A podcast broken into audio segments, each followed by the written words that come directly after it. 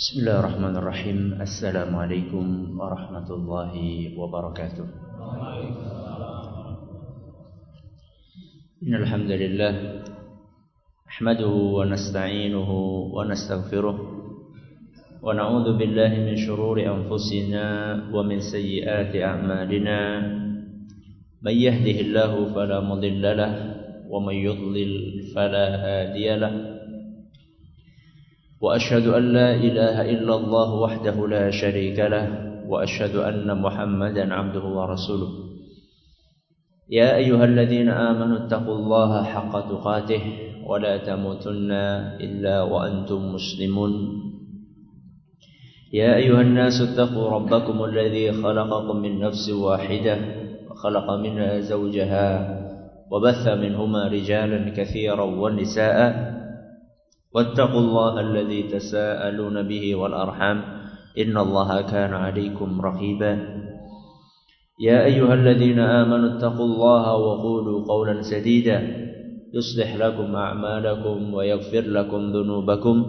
ومن يطع الله ورسوله فقد فاز فوزا عظيما. أما بعد فإن أصدق الحديث كتاب الله وخير الهدي هدي محمد صلى الله عليه وسلم وشر الأمور محدثاتها وكل بدعة ضلالة Kita panjatkan puja dan puji syukur kehadirat Allah Tabaraka wa Ta'ala Pada kesempatan malam yang berbahagia kali ini Kita kembali diberi kekuatan, kesehatan, hidayah, serta taufik dari Allah Jalla wa Ala sehingga kita bisa kembali menghadiri pengajian rutin tafsir kita ini di Masjid Agung Darussalam Purbalingga. Kita berharap semoga Allah tabaraka wa taala berkenan untuk melimpahkan kepada kita semuanya ilmu yang bermanfaat sehingga bisa kita amalkan sebagai bekal untuk menghadap kepada Allah Jalla wa ala. Amin ya rabbal alamin.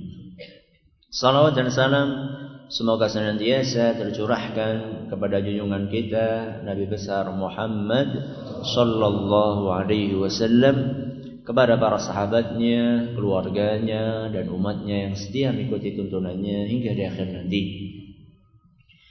Seperti biasanya sebelum kita memasuki materi kajian pada malam hari ini kita akan sedikit mengulang apa yang sudah kita pelajari pada pertemuan yang telah lalu di mana saat itu kita membahas tafsir surat Az-Zalzalah ayat berapa? Ayat 1 sampai 3. Saat itu kita mulai dengan penjelasan bahwa idza zulzilatil ardu zilzalaha itu menurut sebagian ulama ibarat sebuah jawaban dari pertanyaan yang berbunyi kapan sih akan terjadi hari pembalasan? Kapankah amalan kita akan dibalas oleh Allah Subhanahu wa taala? Maka saat itu Allah menjawab idza zulzilatil ardu. Kapan? Ketika bumi digoncang dengan goncangan yang sangat hebat. Di sini Allah Subhanahu wa taala menyebutkan bukan kapan terjadinya hari kiamat, tapi Allah menyebutkan ciri-cirinya. Karena hari kiamat itu tidak ada yang tahu. Pertanyaannya, sebutkan satu saja dalil yang menunjukkan bahwa yang tahu kapan hari kiamat itu cuma Allah Subhanahu wa taala. Al-Quran surat Al-A'raf ayat 187 Bagus. Monggo. Idza zulzilatil ardu zilzalah.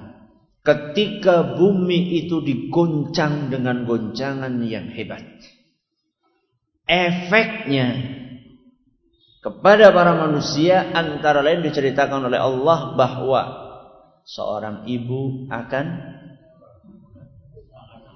melupakan anak yang disusuinya.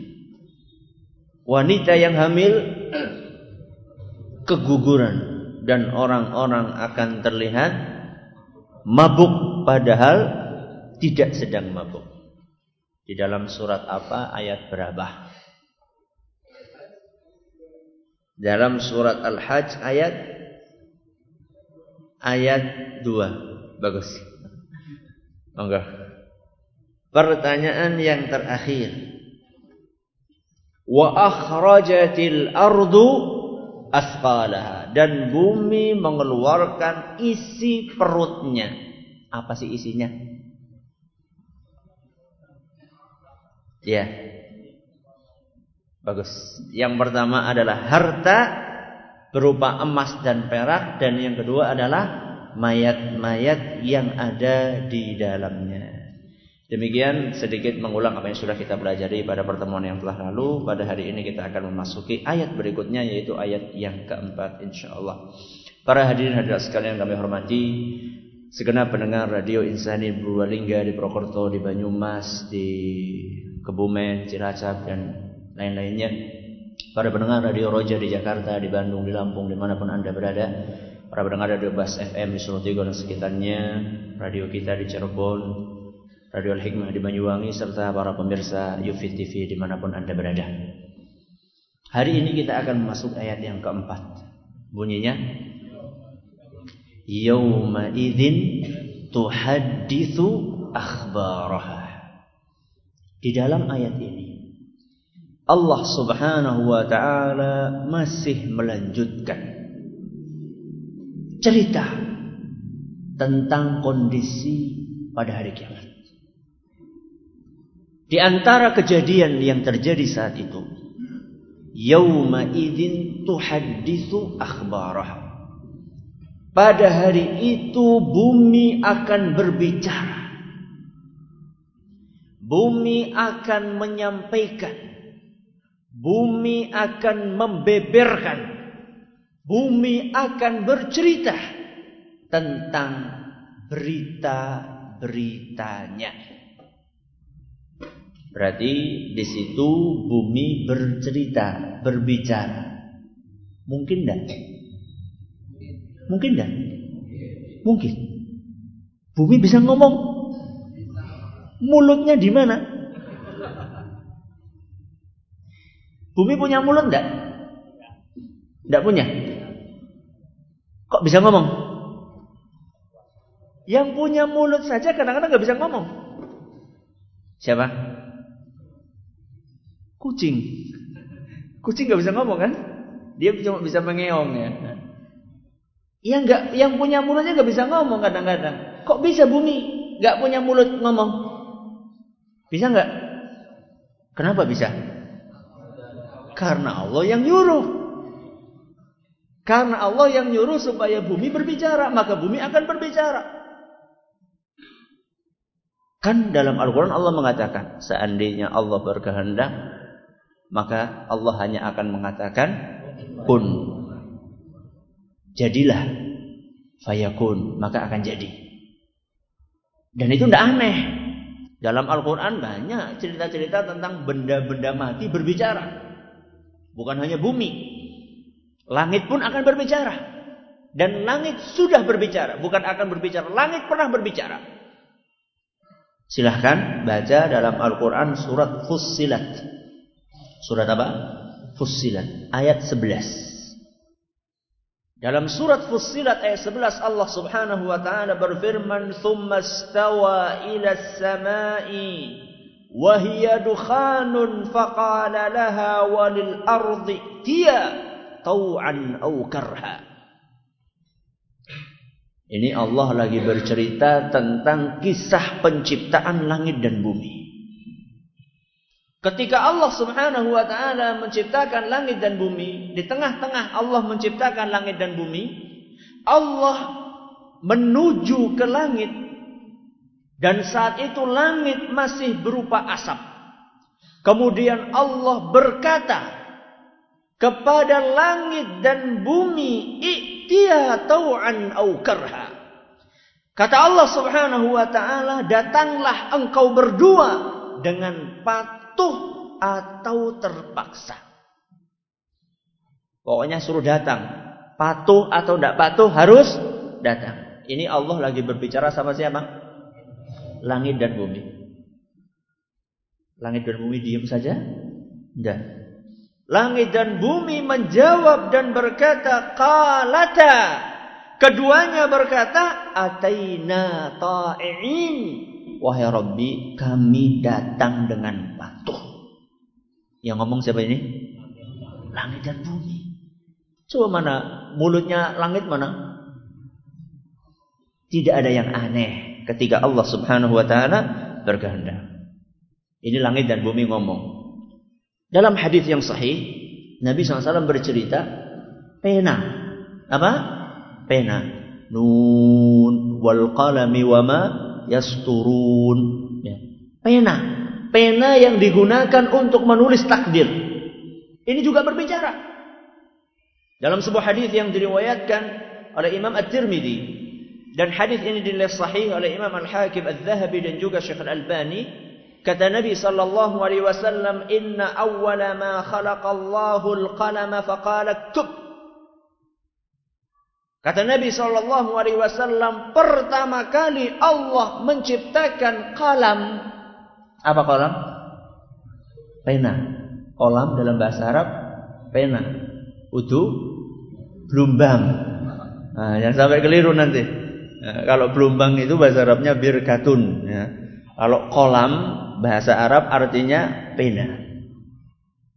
Kata Allah Subhanahu wa taala kata Nabi kata kata Nabi sallallahu alaihi wasallam pertama kali Allah menciptakan pena Allah berkata uktub Allah memerintahkan pena untuk tulislah Pena menjawab. Pena menjawab. Apa kata pena? Ma'aktub. Apa yang engkau suruh untuk aku tulis? Siapa yang ngomong ini? Pena. Orang kok pulpen ya. Pena ngomong. Ya. Kenapa bisa ngomong? Karena Allah yang memerintahkannya. Sudah. Ketika pena itu bertanya, apa yang harus saya tulis? Allah mengatakan, "Uktubil qadara ma kana wa ma huwa kainun ilal abad." Kata Allah Subhanahu wa taala, "Tulislah wahai pena segala kejadian yang telah terjadi dan yang akan terjadi selamanya." Jadi apa yang akan terjadi di muka bumi ini dan apa yang sudah terjadi itu sudah ditulis semuanya oleh siapa? pena. Yang nyuruh siapa? Allah Subhanahu wa taala. Kembali tadi, yauma idzin tuhadditsu akhbarah. Pada hari itu bumi bercerita, berbicara tentang kabar-kabarnya. Apa yang dimaksud dengan kabar-kabar yang diceritakan oleh bumi? Para ulama memaparkan beberapa penafsir. Namun kata Ar-Razi mayoritas ulama menafsirkan berita-berita itu dengan cerita mengenai perbuatan para makhluk yang mereka lakukan di atas bumi. Itu yang dimaksud dengan akhba roha, berita. Berita yang dimaksud di sini kata mayoritas ulama adalah perbuatan-perbuatan para makhluk yang baik apa yang jelek? Yang baik dan yang jelek. Akan diceritakan semuanya, dibeberkan, dibongkar oleh bumi di hadapan Allah Subhanahu wa taala. Dalilnya Pak Ustaz? Sebuah hadis yang diriwayatkan oleh Imam Bukhari Diceritakan oleh seorang yang bernama Abdullah ibnu Abdurrahman ibnu Abi Sa'sa'ah. Pada suatu hari, seorang sahabat Nabi SAW yang bernama Abu Sa'id Al-Khudri berkata kepada Abdullah bin Abdurrahman tadi. Apa kata Abu Sa'id Al-Khudri? Inni araka tuhibbul ghanama wal badiyah. Kata Abu Sa'id, sahabat Nabi ini, saya kayaknya ngelihat kamu ini senang sama kambing. Dan kamu juga senang berada di gurun untuk menggembalakan kambing. Boleh nggak senang kambing? Boleh nggak? Boleh. Yang penting, yang penting tidak melalaikan. Yang penting tidak melalaikan. Maka dengar, lihat pesannya Abu Said Al-Khudri kepada penggembala kambing tadi. Ketika Abu Said melihat, oh ini hobinya menggembala kambing. Kan ada sebagian orang hobi ya. Walaupun sesibuk apa pun merasa nyaman menggembala kambing. Dan ketahuilah bahwasanya setiap nabi semuanya itu penggembala kambing. Maka nggak usah minder. Kalau pegawaiannya apa? Angon wedus, isin. Nggak usah malu. Nabi saja semuanya menggembala kambing. Ya. Ketika melihat Abu Sa'id Al-Khudri bahwa orang ini suka sama kambing dan suka menggembala kambingnya, maka dia pun berpesan. فإذا كنت في غنمك أو باديتك فأذنت بالصلاة فارفع صوتك بالنداء Seandainya engkau sedang menggembala kambing di tengah padang, di tengah gurun, kemudian datang waktu sholat, maka azanlah dan angkatlah suaramu. Kon azan nang di gurun. Sing harus sholat sih sapa. Saya kepriwe gue Ustaz, ngesuk aku harap angon nang lapangan gue. Aku harap ada nang lapangan apa iya? ya dilihat tuh, dilihat apakah ada dekat masjid di situ atau enggak. Dekat masjid ada dewek nang lapangan sih siapa sih harus sholat. Ini bercerita tentang tanah lapang yang tidak ada masjidnya. Ya. Dan ini juga menceritakan, menggambarkan kepada kita bahwa tidak usah malu Adzan itu syiar. Dan Nabi SAW mengatakan supaya diangkat suaranya. Adzan kok kayak wong kerisik-kerisik. Allahu Akbar, Allahu Akbar. Adzan itu syiar. Syiar itu harus dikeraskan. Tapi ya sing suaranya manjan apik lah. Ya. Jadi kata Nabi eh, kata kata Abu Sa'id Al Khudri kepada pengembala tadi itu kalau kamu lagi di tengah padang pasir datang suara datang eh, waktu azan datang waktu sholat kumandangkanlah azan dan angkat suaramu. Kenapa disuruh mengangkat suara? Kata beliau fa innahu la yasma'u mada sautil muadzini jinnun wala insun wala syai'un illa syahidalahu yaumal qiyamah. Karena Manakala suaranya muadzin itu didengar oleh siapa pun, entah itu manusia, entah itu jin atau apa pun juga. Kata-kata apa pun juga ini mencakup apa? Semuanya. Ya pohon, ya binatang, ya batu, ya bumi, semua yang mendengarkan suara adzan itu nanti pada hari kiamat akan melapor dan bersaksi di hadapan Allah Subhanahu wa taala. Senang orang jadi muadzin? Senang. Ya. Maka berlomba-lombalah jadi muadzin, tapi latihan disit. Ya. Berlomba-lomba jadi muadzin, tidak apa-apa. Adzan. Kenapa sebagian orang di zaman kita ini malu? Laisin Ustaz azan orang nasing azan. Duh mulane orang nasing azan malah orang azan. Kan ada sebagian orang ya di kampung, ada sebagian kampung itu di beberapa waktu sholat itu tidak terdengar suara azan. Wonten mboten? Kata banyak ya. Banyak sebagian kampung terutama waktu apa itu yang biasanya nggak terdengar suara azan tuh? Duhur karo asar. Soalnya pada nang sawah. Lho kok dene nang sawah ora adzan ya. perak masjid, perak masjid orang mau masjid. Maka jangan malu, itu pahalanya. Jadi semakin suara kita terdengar, uh masya Allah sekarang apalagi ada apa? Ada tawaus kutul mendi.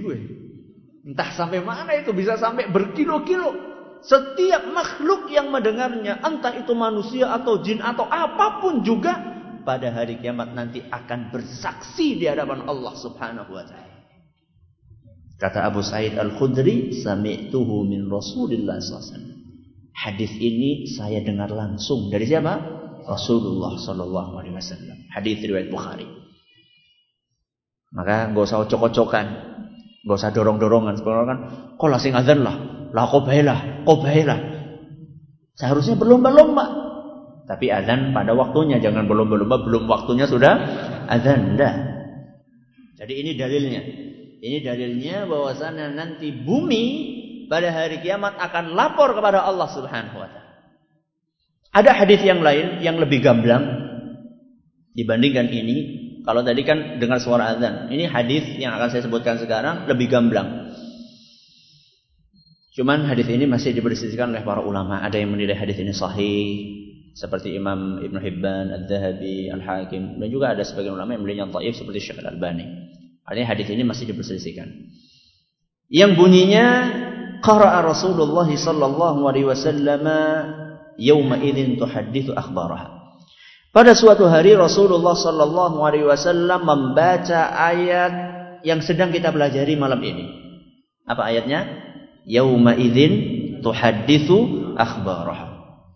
Pada hari itu bumi bercerita tentang berita-beritanya.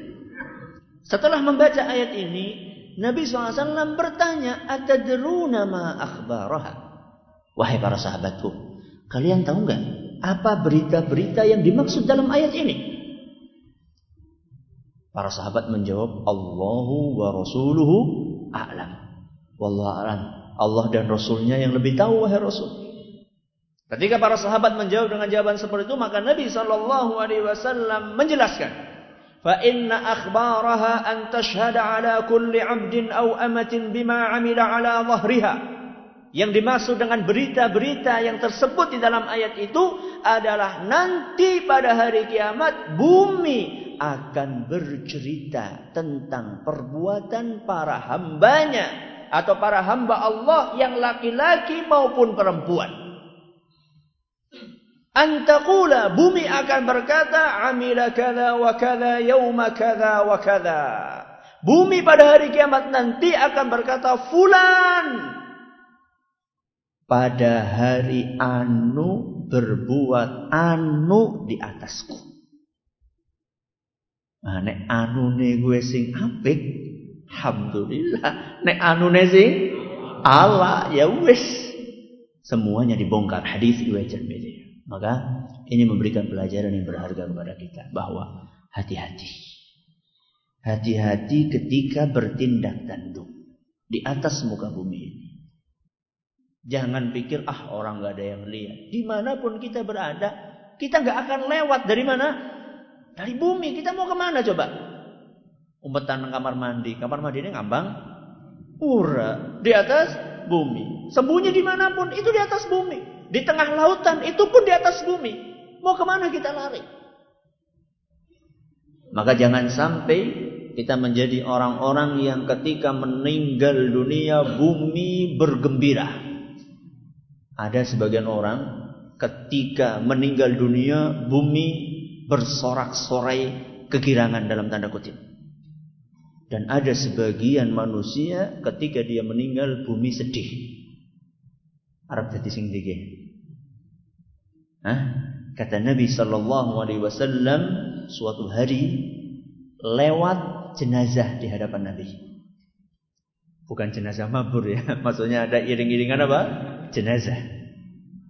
Ketika lewat jenazah di depan beliau, Nabi Shallallahu Alaihi Wasallam berkata, mustarihun wa mustarahun minhu. Kata Nabi Shallallahu Alaihi Wasallam, jenazah itu terbagi menjadi dua.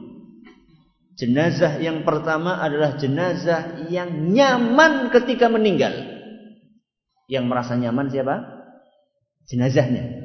Mayatnya ini ketika meninggal merasa nyaman. Orang yang kedua mustarahun minhu. Orang yang kedua adalah manusia yang jenazah yang ketika dia meninggal sekelilingnya yang merasa nyaman. Bedanya apa? Ada bedanya enggak? Apa bedanya? Ya tadi nyamannya tadi. Kalau orang yang pertama, siapa yang nyaman? Jenazahnya. Kalau orang yang kedua, lingkungannya yang nyaman ketika dia meninggal. Apa maksudnya itu Ustaz? Maka para sahabat bertanya, "Ya Rasulullah, mal mustarihu wa mal mustarahu minhu?" Rasul, apa maksudnya dua jenis manusia itu? Kata Nabi sallallahu alaihi wasallam, "Al-'abdul mu'minu yastarihu min nasabid dunya." Orang yang pertama yang nyaman ketika meninggal adalah seorang mukmin. Kenapa nyaman? Karena dia terlepas dari penatnya urusan dunia. Si orang yang beriman itu kalau pisah dengan dunia senang. Kenapa? Terus orang mumet maning mikir dunia. Itu orang yang beriman. Maka bersyukurlah orang-orang sing orang mumet dunia ini. Orang yang beriman adalah orang yang nyaman ketika meninggal. Kenapa? Karena dia terlepas dari pikiran-pikiran tentang dunia.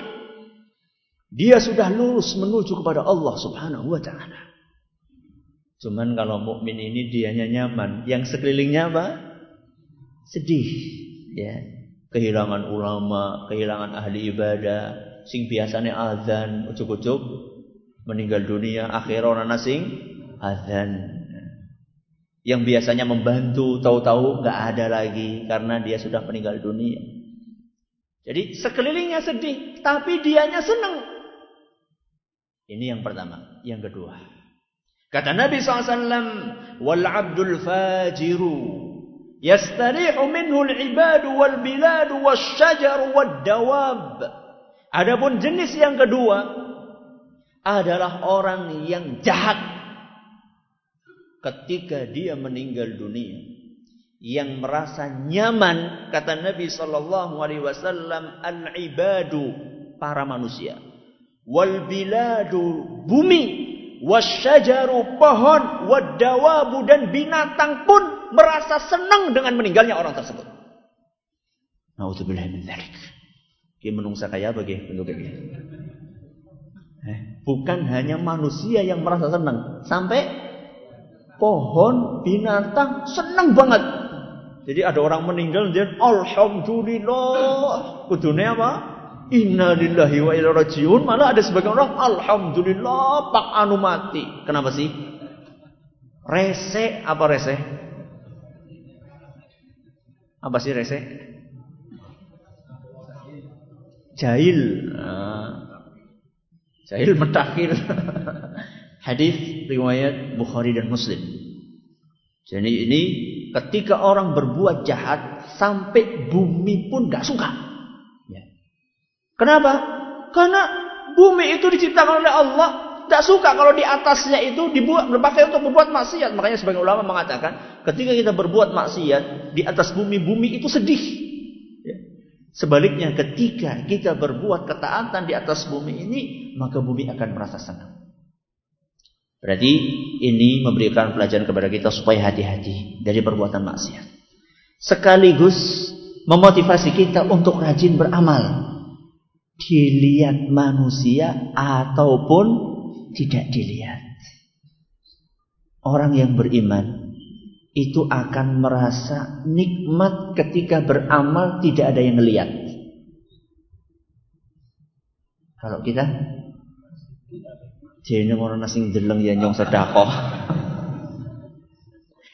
Kalau kita sudah kita beramal, kita ceritakan sama orang lain. Bahkan nek perlu wong sedunia ngerti kabeh. Nek kurban gue nek ora difoto, orang mlebu koran gue rasanya ora marem. Nek kaji ora ditutaken wong sekampung, rasanya ora marem. Kalau orang yang beriman, dia akan merasa nikmat banget. Nek ngamal orang meruh. Inilah yang akan mendapatkan naungan Allah Subhanahu wa taala di padang mahsyar. Sab'atun yudhilluhumullahu fi dhillihi yawma la dhilla illa dhilluh. Ada tujuh golongan yang akan mendapatkan naungan Allah di padang mahsyar. Di mana saat itu Allah Subhanahu wa taala mendekatkan matahari sedekat-dekatnya di atas kepala kita. Dalam hadis dikatakan satu mil. Ulama berbeda pendapat. Satu mil itu maksudnya apa? Apakah satu mil itu maksudnya adalah mil itu ukuran mil ada kilometer ada apa? Ada mil. Ini pendapat. Pendapat yang kedua mengatakan mil itu adalah uh, bukan tahu celak celak tahu celak celak kayak singgung apa oh nganu ini apa mata ini gue ngitem ngitemi mata itu wadahnya kayak apa Botol cilik ya. Botol cilik segini. Mil itu salah satu maknanya adalah sada kayak sada singgo apa? Singgo nyutiki. Sada singgo nyutiki eh, apa? celak tadi. Jadi kalau nggak pernah pakai celak ya. yang pakai-pakai ibu-ibu biasanya. Ya, jadi kalau orang mau pakai celak itu kan nggak mungkin pakai bluk bluk bluk iki ya ireng kabeh medeni. menakutkan itu nantinya. Jadi celak itu pakai semacam besi kecil gitu ya. Itu ukurannya paling cuma segini. Berarti menurut penafsiran yang kedua ini matahari di atas kita jaraknya cuma segini. Ada tujuh golongan yang mendapatkan naungan Allah pada hari itu. Salah satunya adalah seorang yang bersedekah dengan tangan kanannya, tangan kirinya tidak tahu. Artinya apa? Merahasiakan, menyembunyikan. Lah nyong esok mau sholat nang masjid lah. Tak umpetakan sholatnya. Salah. Kenapa? Karena sholat jamaah itu harus kelihatan. Namanya jamaah. Jamaah ya di masjid. Ya. Ya, jamaah itu di masjid. Kelihatan Ya, makanya itu niatnya harus dijaga. Lah nyong esuk adane sing lirik baik. Ini syiar. Syiar itu harus kelihatan, harus terdengar. Terus bagaimana Ustaz? Ya, sambil menjaga keikhlasan. Sudah. Yauma idzin tuhadditsu akhbaraha. Pada hari itu bumi akan bercerita. Bercerita tentang perbuatan para manusia yang baik maupun yang buruk. Ceritanya sama siapa? Bumi cerita sama siapa? Sama Allah. Bumi lapor sama siapa? Allah. Yang jadi pertanyaan. Apakah Allah tidak tahu sehingga perlu menunggu laporan dari bumi? Pertanyaannya. Bumi kan lapor. Apakah Allah tidak tahu harus nunggu laporan? Ya kayak bos-bos. Nah, bos-bos itu kan kadang-kadang kan tidak tahu tentang kondisi real perusahaannya kalau nggak dapat laporan dari siapa? Dari bawahannya. Apakah Allah seperti itu? Tidak. Kenapa tidak? Karena Allah Maha tahu atas segala sesuatu. Sebagaimana yang Allah ceritakan dalam Al-Quran surat At-Talaq. Dalam surat At-Talaq ayat 12 Allah Subhanahu wa taala berfirman wa annallaha qad ahata bikulli syai'in ilma. Sesungguhnya Allah Subhanahu wa taala mengetahui segala sesuatu. Jadi sebenarnya Allah nggak butuh ya, nggak butuh berita atau laporan dari bumi karena Allah mengetahui segala sesuatu. Bahkan Allah Subhanahu wa taala mengetahui segala kejadian jauh hari sebelum terjadi. Kenapa? Karena Allah yang menakdirkan kejadian itu. Kata Nabi sallallahu alaihi wasallam, "Kataballahu maqadiral khalaiq." Sesungguhnya Allah Subhanahu wa taala telah menulis takdir kejadian seluruh makhluk qabla an yakhluqas samawati wal arda bi khamsina alf sanah. 50 ribu tahun sebelum diciptakannya langit dan bumi. Hadis riwayat Muslim. Berarti 50 ribu tahun sebelum langit dan bumi ada, bukan sebelum kita lahir. Ya, bukan sebelum kita lahir, sebelum kita sebelum bumi dan langit itu diciptakan oleh Allah 50 ribu tahun kita sudah ketahuan. Malam ini jam berapa jam 6 lewat 50 menit Pak Anu akan hadir di pengajian. Sudah ketahuan Pak Anu akan ngantuk di pengajian. Sudah ketahuan. Ada yang ngantuk? Alhamdulillah nggak ada. Ya. Itu semuanya sudah ketahuan. Makanya Allah Subhanahu wa taala tidak butuh bumi nanti bisa bumi akan lapor. Ya Allah, pada tanggal anu jam sekian Pak Fulan ini rajin hadir pengajian. Tapi nah, Bu Fulan nah ngantuk. Tanpa bumi lapor, Allah sudah tahu. Kenapa Allah subhanahu wa ta'ala memerintahkan bumi untuk lapor? Kenapa coba? Hah? untuk manusia yang dilaporkan. Emang kenapa? Rasa tanggung jawab. Bumi tanggung jawab. Ada yang lain? Apa?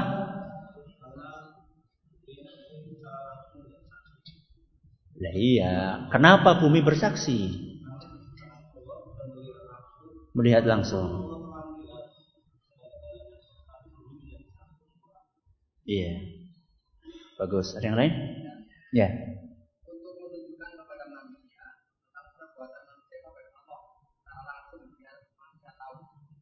Kalau sudah tahu, terus kenapa? Un, kata para ulama, hikmahnya untuk memperlihatkan kemaha adilan Allah. Untuk memperlihatkan apa? Kemaha adilan Allah. Ini loh, Allah itu tidak akan menghukum kecuali sesuai dengan perbuatannya. Jadi kalau misalnya Allah Subhanahu wa taala langsung menghukum tanpa ada kesaksian dari para makhluk-makhluk tersebut, mungkin saja ada yang mengatakan, "Wah, Allah ini tidak adil." Tapi yang lapor, yang bersaksi adalah TKP. Apa TKP? Tempat kejadian perkara. Bukan saksi-saksinya, tapi TKP-nya yang ngomong langsung sama Allah Subhanahu wa taala. Maka ini menunjukkan betapa adilnya Allah Subhanahu wa taala. Ini yang pertama. Hikmah yang kedua, kata para ulama, untuk menutup setiap celah manusia yang ingin mengingkari perbuatannya. Alias ada sebagian manusia nanti pada hari kiamat tidak ngaku bahwa dia telah berbuat anu dan itu. Kalau tidak ngaku berarti perlu didatangkan apa? saksi. Siapa saksinya? TKP tadi itu yang saksi. Langsung nggak perlu datangkan siapa-siapa saksi ahli. Langsung tempat itu yang bersaksi depan Allah. Sehingga nggak bisa dia mengingkari. So, apa dari di hari, di hari kiamat nanti ada yang mengingkari perbuatannya yang tidak ngaku ada. Panjenengan bisa buka dalam Al-Quran surat Al-An'am. Surat apa? Al-An'am ayat 22 sampai 24. Apa bunyinya surat tersebut? Kata Allah Subhanahu wa taala, "Wa yauma nahsyuruhum jami'an, thumma naqulu lil ladzina asyraku aina syurakaukum alladzina kuntum taz'umun." Pada hari kiamat nanti akan kami kumpulkan seluruh manusia kata Allah. Kemudian kami akan berkata kepada para pelaku kesyirikan. Orang-orang yang melakukan kesyirikan, "Aina syurakaukum alladzina kuntum taz'umun?" Mana sesembahan-sesembahan yang kalian klaim dulu ketika kalian di dunia? Ditantang sama Allah Subhanahu wa taala. Mana coba datangkan sini. Mana berhala yang kamu sembah? Mana patung yang kamu sembah? Mana keris yang selama ini kamu agung-agungkan? Suruh, suruh datang semuanya sama Allah Subhanahu wa taala. Bisa bantu enggak? Enggak bisa bantu. Mana dukun yang kamu datangi ketika kamu nyalek dulu? Katanya bisa bantu kalau bisa dikasih duit maharnya gede, 1 M pasti jadi. Datangkan semuanya, sesembahan kalian, datangkan semuanya. Kata Allah subhanahu wa ta'ala. Disuruh mendatangkan sesembahannya. Apa jawabannya orang-orang musyrikin? Summa lam takun fitnatuhum illa an qalu. Mereka tidak memiliki jawaban lain kecuali mereka mengatakan wallahi rabbina ma kunna musyrikin. Apa kata orang-orang musyrikin? Demi Allah wahai Rabbi, dulu kami enggak syirik kok. Ngaku enggak ini? Enggak ngaku. Enggak ngaku pun pakai wallahi. Banget ini, maling maling enggak ngaku maling. Musyrik nggak ngaku apa? Musyrik. Maka dibantah oleh Allah dalam ayat berikutnya. Undur. Kaifa kadzabu ala anfusihim. Lihatlah bagaimana mereka mendustai diri mereka sendiri. Wa dhalla anhum ma kanu yaftarun. Sesembahan-sesembahan mereka akan lenyap meninggalkan orang-orang tersebut.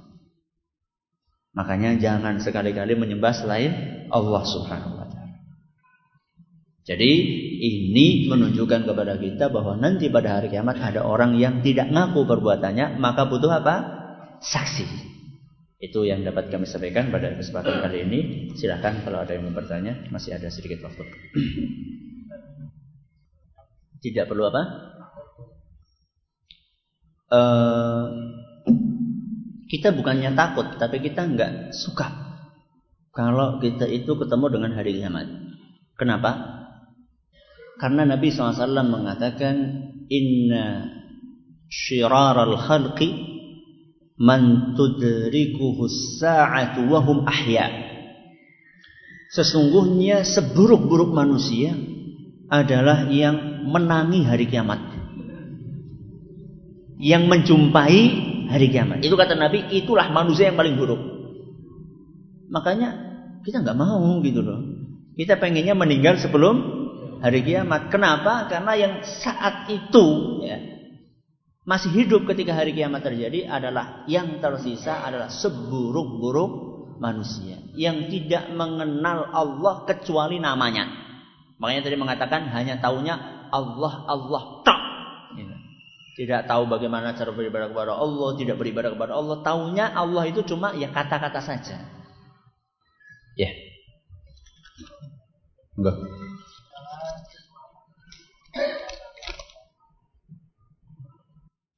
Disebutkan dalam sebuah riwayat ada seorang hamba yang sholat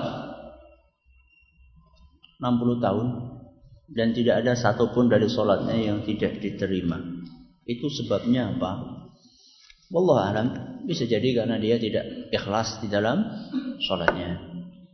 Atau bisa jadi dia ikhlas akan tetapi dia tidak memenuhi ru, rukunnya. Ya. Karena orang yang sholat tidak memenuhi rukun sholat, maka sholatnya tidak sah. Tidak terima sama Allah subhanahu wa ta'ala. Atau mungkin bisa jadi dia sholat tapi melakukan perbuatan syirik. Nah, orang melakukan perbuatan syirik itu ibadahnya tidak diterima oleh Allah subhanahu wa ta'ala. Bahkan ibadah-ibadahnya yang pernah dia lakukan sebelum dia melakukan syirik pun akan dihapuskan sama Allah subhanahu wa ta'ala. Jadi ada beberapa kemungkinan-kemungkinan orang sholatnya tidak diterima oleh Allah Azza wa Jalla. Apakah masuk surga atau neraka merupakan takdir dari Allah? Iya. Surga dan neraka merupakan takdir dari Allah Azza wa Jalla.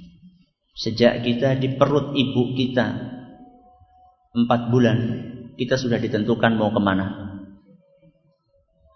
Nanti kita akan lanjutkan insyaallah pada uh, Isya insyaallah. Wallahu taala a'la wa alam. Terima kasih atas perhatiannya. Mohon maaf segala kurangnya.